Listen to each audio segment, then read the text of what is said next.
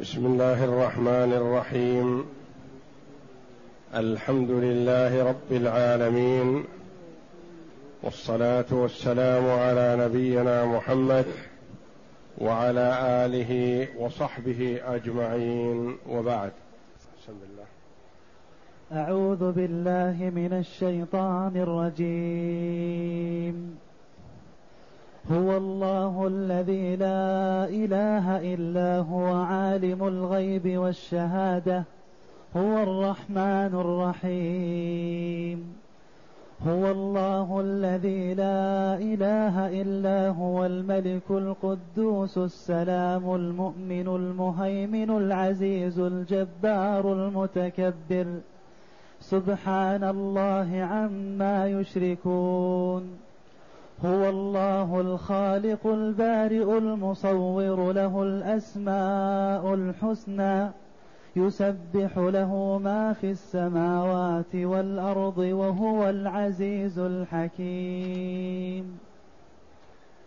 هذه الآيات الكريمة من سورة الحشر جاءت بعد قوله جل وعلا لو أنزلنا هذا القرآن على جبل لرأيته خاشعا متصدعا من خشية الله وتلك الأمثال نضربها للناس لعلهم يتفكرون.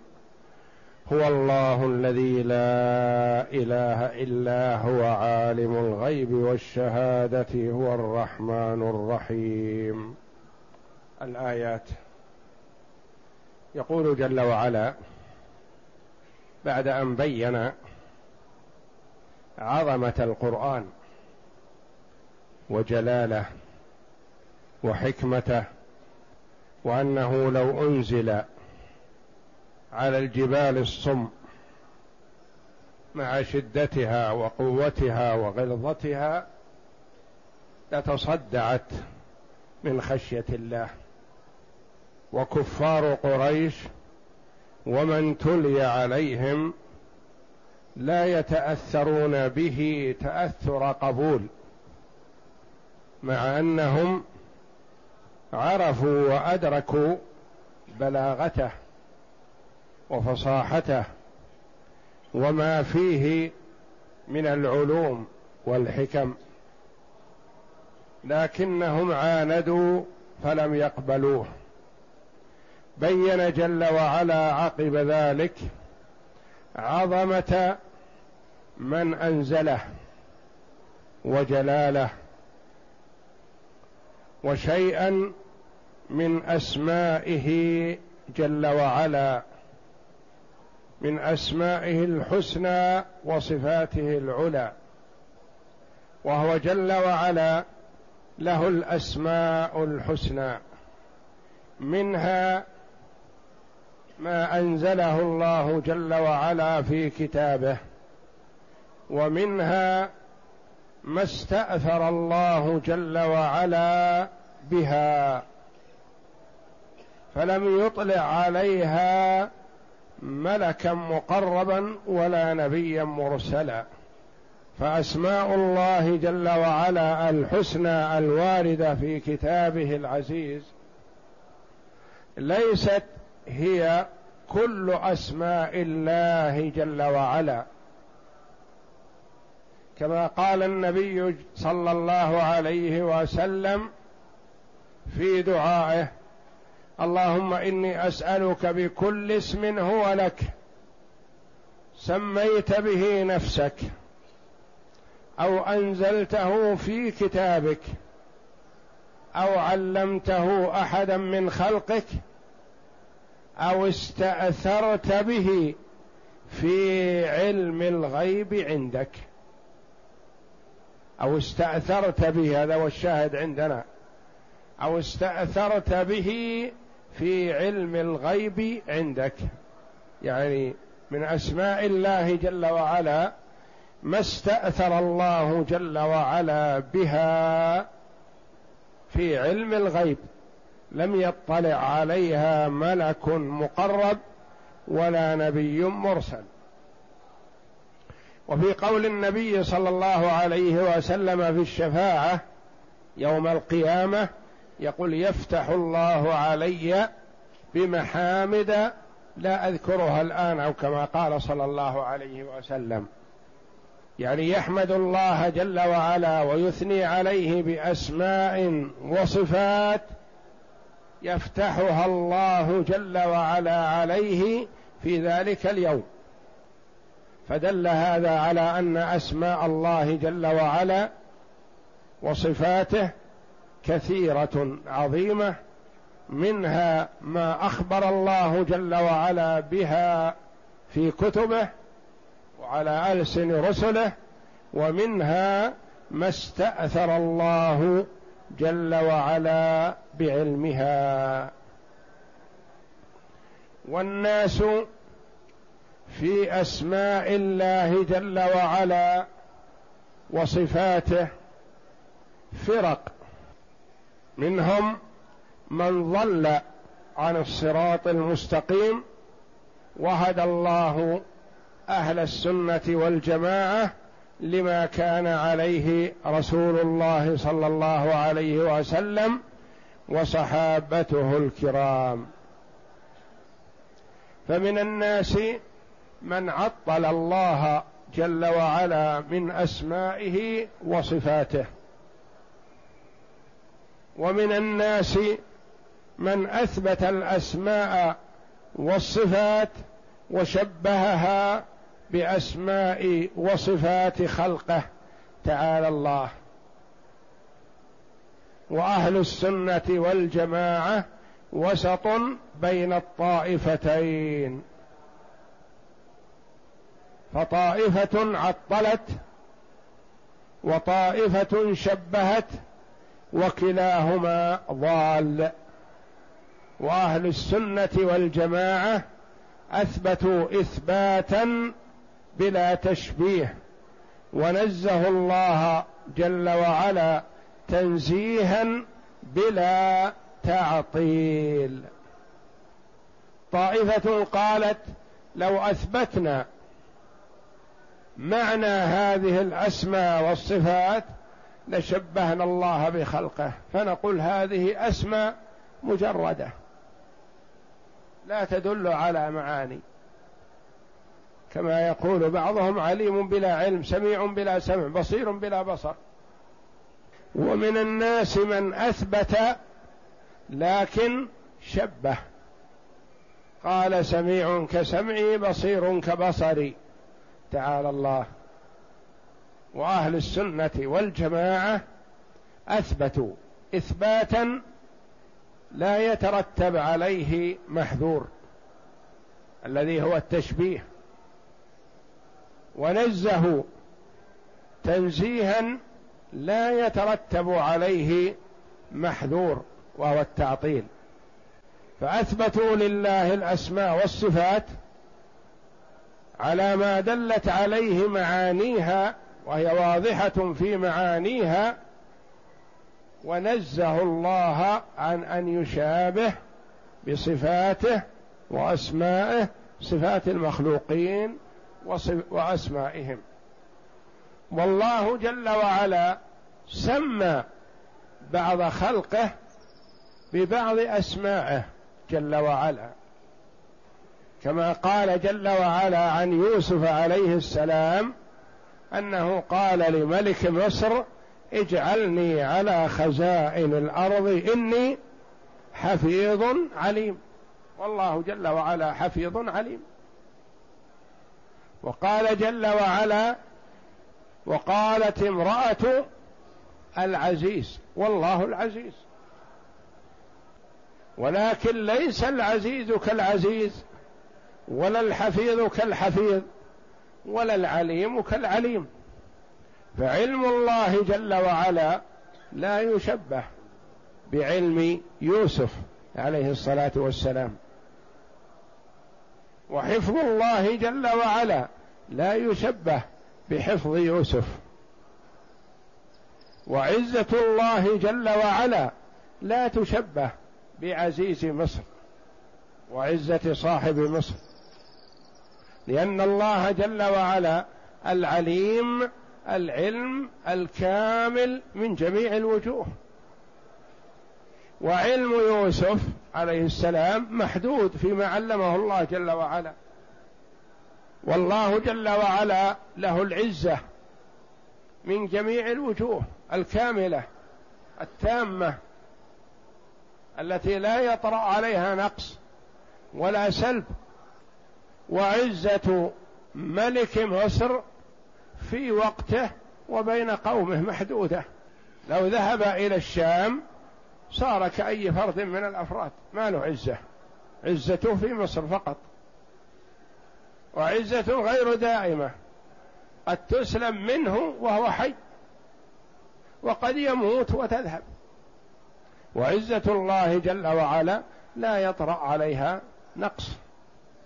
فإثبات الأسماء والصفات لا يترتب عليه تشبيه. فليحذر المسلم أن يزل أو يغلط في أسماء الله جل وعلا. ونقول في أسماء الله وصفاته المعنى معلوم والكيف مجهول. الكيف ما سأل عنه الصحابة النبي صلى الله عليه وسلم وهم أحرص الناس على العلم. وأعلم الخلق بالله محمد صلى الله عليه وسلم. ما سألوه عن كيفية الصفة. ولهذا لما سئل الإمام مالك رحمه الله أتاه سائل وهو في المسجد النبوي فقال له كيف استوى الرحمن على العرش استوى كيف استوى؟ سكت طويلا. وعلاه العرق علته الرحضاء. بدأ يتصبب عرق من هذا السؤال. كيف؟ إن عاقل مسلم يخاف الله ويعرف حق الله جل وعلا ويسأل كيف؟ اسأل عن كيف حال زيد. من مر به وجاء من عنده قل كيف حال زيد؟ مثلا لأنه جاء من عنده ويدري كيف حاله. اسأل الرجل عن حال ابنه عن حال والده. لكن تسأل مخلوق عن كيفية الله جل وعلا أو كيفية صفة من صفات الباري جل وعلا. ثم قال رحمه الله الاستواء معلوم.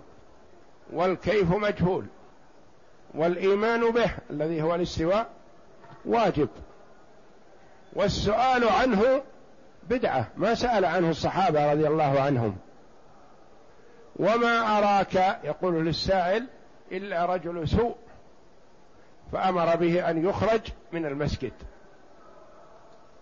لأنه ألقى هذه الشبهة ويحتمل أن أنه جاء بشبهة أنه ما انتهى إلى الآن عنده غيرها. فأمر به رضي الله عنه ورحمه أن يخرج من المسجد. قال هذا رجل سوء اللي يسأل هذا السؤال. يسأل سؤالا ما سأل عنه الصحابة النبي صلى الله عليه وسلم.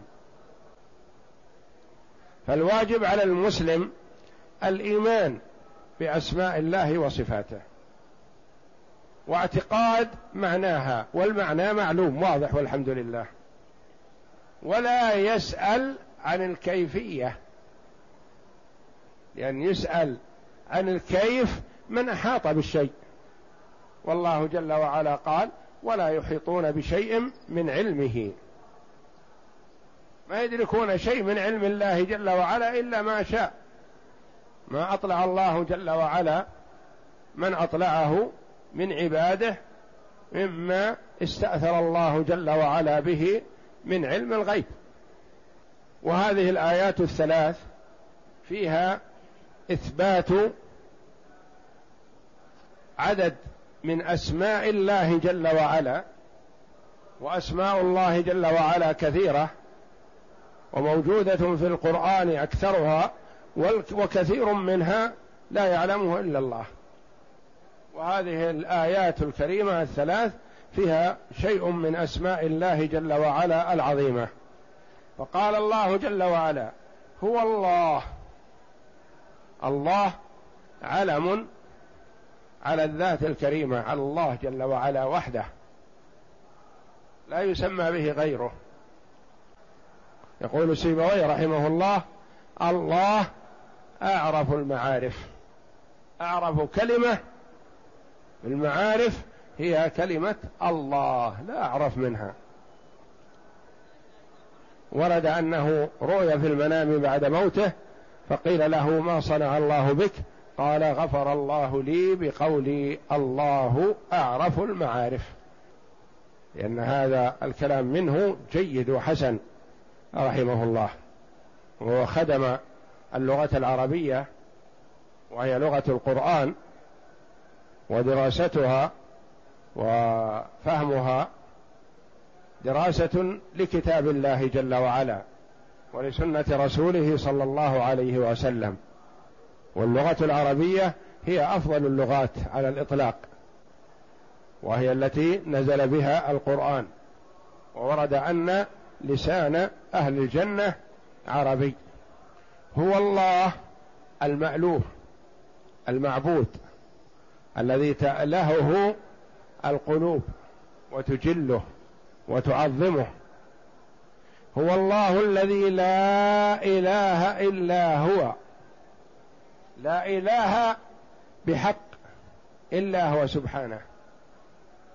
الآلهة المعبودة من دون الله كثيرة لكنها آلهة باطلة.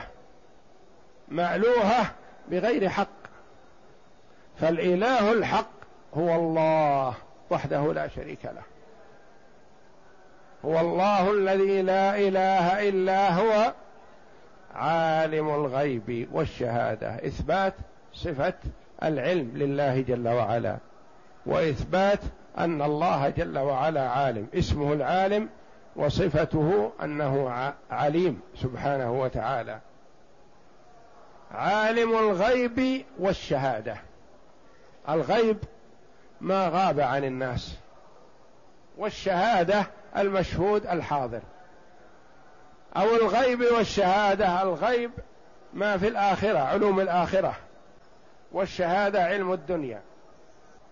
أو الغيب ما أسره الإنسان في نفسه ولم يطلع عليه أحد والشهادة ما تكلم به أمام الناس. هذا كله في علم الله سواء. عالم الغيب والشهادة.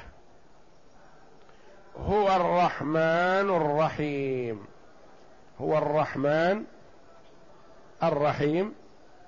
اسمان عظيمان لله جل وعلا متضمنان لصفة الرحمة. والرحمن قالوا أبلغ من الرحيم. ولذا ورد رحمن رح رحمن الدنيا والآخرة ورحيم الآخرة. فرحمن الدنيا رحم الله أهل الدنيا فرحم البر والفاجر رحم المؤمن والكافر. رحم الفاسق والفاجر ومن يبارز الله جل وعلا بالمعاصي الله جل وعلا يعطيه وينعم عليه. أعطاه الصحة والعافية والمال والجاه والسمعة الحسنة والولد. وغير ذلك من نعم الله جل وعلا. تتتابع على العبد وهو فاجر فاسق عاص لله. مؤذن لعباد الله. فلا أحد أحلم من الله جل وعلا. ينعم ويغدق والعبد يكفر ويفجر ويفسق. ورحيم الآخرة يعني أن رحمة الله جل وعلا في الآخرة للمؤمنين للمسلمين لمن أطاع الله. وأما الكافر فلا نصيب له في الرحمة. فلذا قال العلماء رحمهم الله هما اسمان يدلان على صفتين عظيمتين لله جل وعلا الرحمن الرحيم والرحمن أبلغ لأنها شملت البر والفاجر والرحيم بالمؤمنين وكان بالمؤمنين رحيما تحيتهم يوم يلقونه سلام في الجنة. هو الله الذي لا إله إلا هو كما أتت في الآية الأولى من باب التأكيد وأن ألوهيته جل وعلا هي الحق وألوهية ما سواه وما عبد من دونه فهو باطل. هو الله الذي لا إله إلا هو الملك القدوس. الملك. المالك لما في السماوات وما في الأرض. المتصرف في الخلق. هو المالك لهم ولما بين أيديهم. الملك القدوس. القدوس الطاهر المنزه. يقال مقدس يعني طاهر مطهر. منزه عن النقائص والعيوب جل وعلا فهو لا يطرأ عليه عيب سبحانه وتعالى. الملك القدوس السلام هو السلام جل وعلا السالم من كل نقص وعيب السالم المسلم لخلقه للمؤمنين به مسلمهم من عذابه. المسلم الذي يسلم على عباده في الدار الآخرة. سلام قولا من رب رحيم. السلام السالم في ذاته جل وعلا من كل نقص وعيب أو المسلم لعباده لمن شاء منهم أو المسلم جل وعلا على عباده في الجنة على المؤمنين من عباده في الجنة. السلام المؤمن. المؤمن الذي أمن العباد من ظلمه تعالى. المؤمن المصدق لل لرسله وأنبيائه وعباده الصالحين بالبراهين الدالة على صدقهم. فيأتي المؤمن بمعنى المصدق كما قال إخوة يوسف لأبيهم وما أنت بمؤمن لنا ولو كنا صادقين. ما أنت بمصدق لنا. المهيمن بمعنى الرقيب أو المهيمن المطلع المشرف. على خلقه. يعني لا تخفى عليه خافية من أعمال عباده. بمعنى أنه شهيد على أعمالهم. بمعنى الرقيب عليهم كذا قال مجاهد وقتاده ومقاتل العزيز الذي لا يغالب جل وعلا. وله العزة الكاملة من جميع الوجوه التي لا يطرأ عليها نقص بخلاف عزة المخلوق فهي اولا أنها حادثة ما كان من وجد وهو عزيز من وجد وهو غلام رضيع طفل شاب صغير ثم بدأ ينمو شيئا فشيئا ثم صارت له العزة ثم تذهب منه وهو حي أو يموت ويسلب هذه الصفة. وعزة الله جل وعلا موصوف بها جل وعلا أزلا وأبدا. بلا بداية ولا نهاية جل وعلا. العزيز الجبار. الجبار الذي يجبر الكثير من عباده. يجبر الضعيف يجبر المحتاج لذلك من عباده أو الجبار بمعنى الذي يجبر عباده على ما يريد سبحانه وتعالى فهو يجبرهم ويلزمهم بما يريده سبحانه. المتكبر الذي له الكبرياء والعظمة وهو أهل لذلك جل وعلا. فهو متكبر لأنه لا أكبر منه سبحانه. ولهذا شعار الصلاة يقال الله أكبر. والجبار والمتكبر صفة نقص في المخلوق وصفة كمال في الخالق جل وعلا. لأن الخالق جل وعلا أهل لذلك.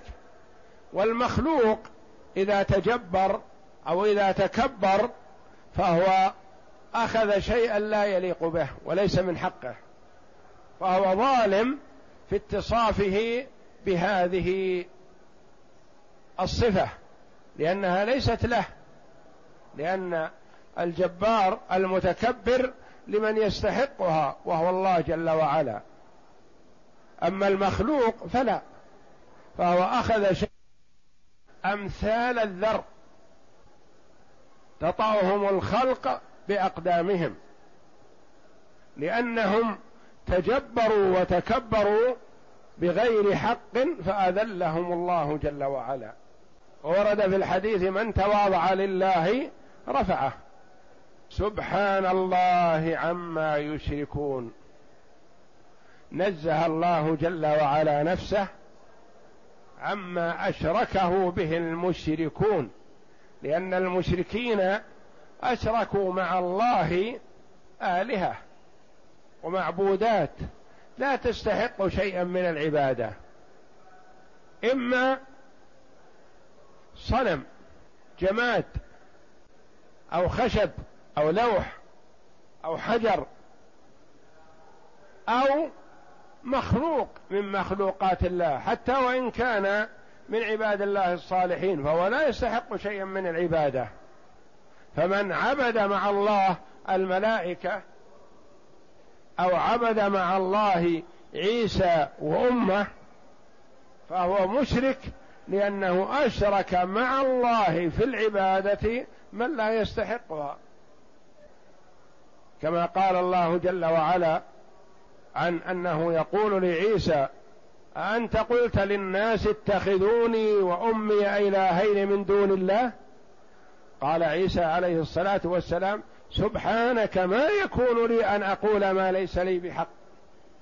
ليس هذا حق لي ولا يليق أن أقول هذا القول لأنه ليس لي أنا عبد من عبادك يا ربي.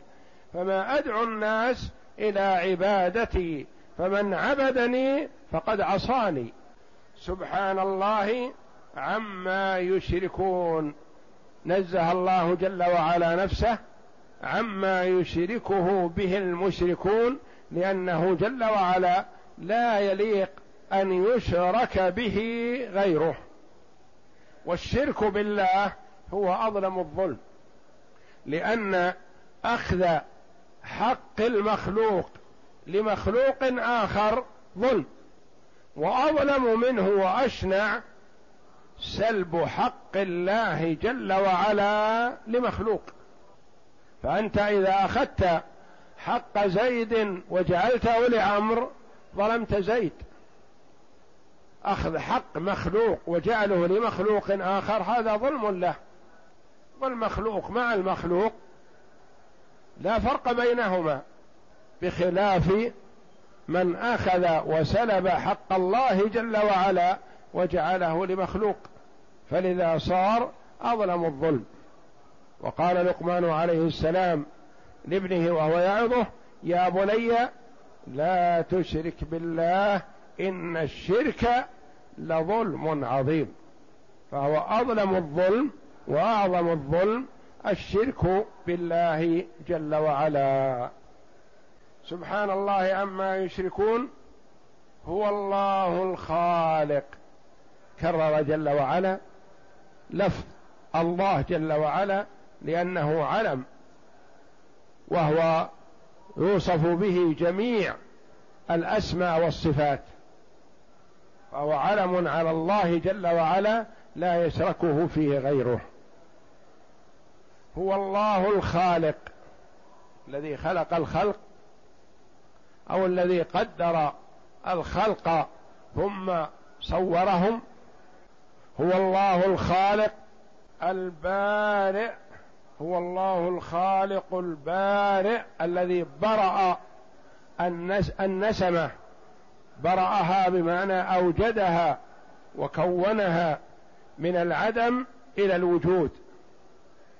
المصور الموجه للصور المركب لها على هيئات مختلفة فهو الذي صورها وركبها على هذه الصفة وجعل ابن آدم على أحسن تقويم.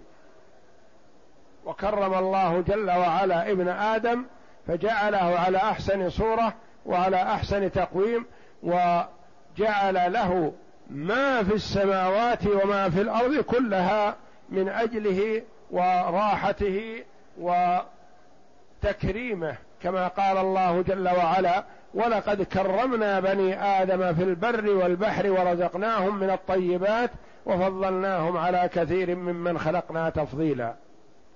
لقد خلقنا الإنسان في أحسن تقويم. هو الله الخالق البارئ المصور له الأسماء الحسنى. له الأسماء الحسنى التي لا يطرأ عليها نقص ولا يلحقها عيب جل وعلا. فهو منزه عن جميع العيوب والنقائص. ثم بين جل وعلا أن كل من في السماوات والأرض يسبح له وينزهه. ويجله ويعظمه. من العباد من يسبحه وينزهه بلسان الحال والمقال ومن العباد من يسبح الله جل وعلا بلسان الحال وإن كفر به بلسان المقال. فوجود الكفار وخلقهم وما أعطاهم الله جل وعلا يدل على عظمة الله جل وعلا ووجودهم تسبيح لله جل وعلا وبيان لكمال قدرته سبحانه وإن كفروا بالله. وكما قال الله جل وعلا وإن من شيء إلا يسبح بحمده ولكن لا تفقهون تسبيحهم.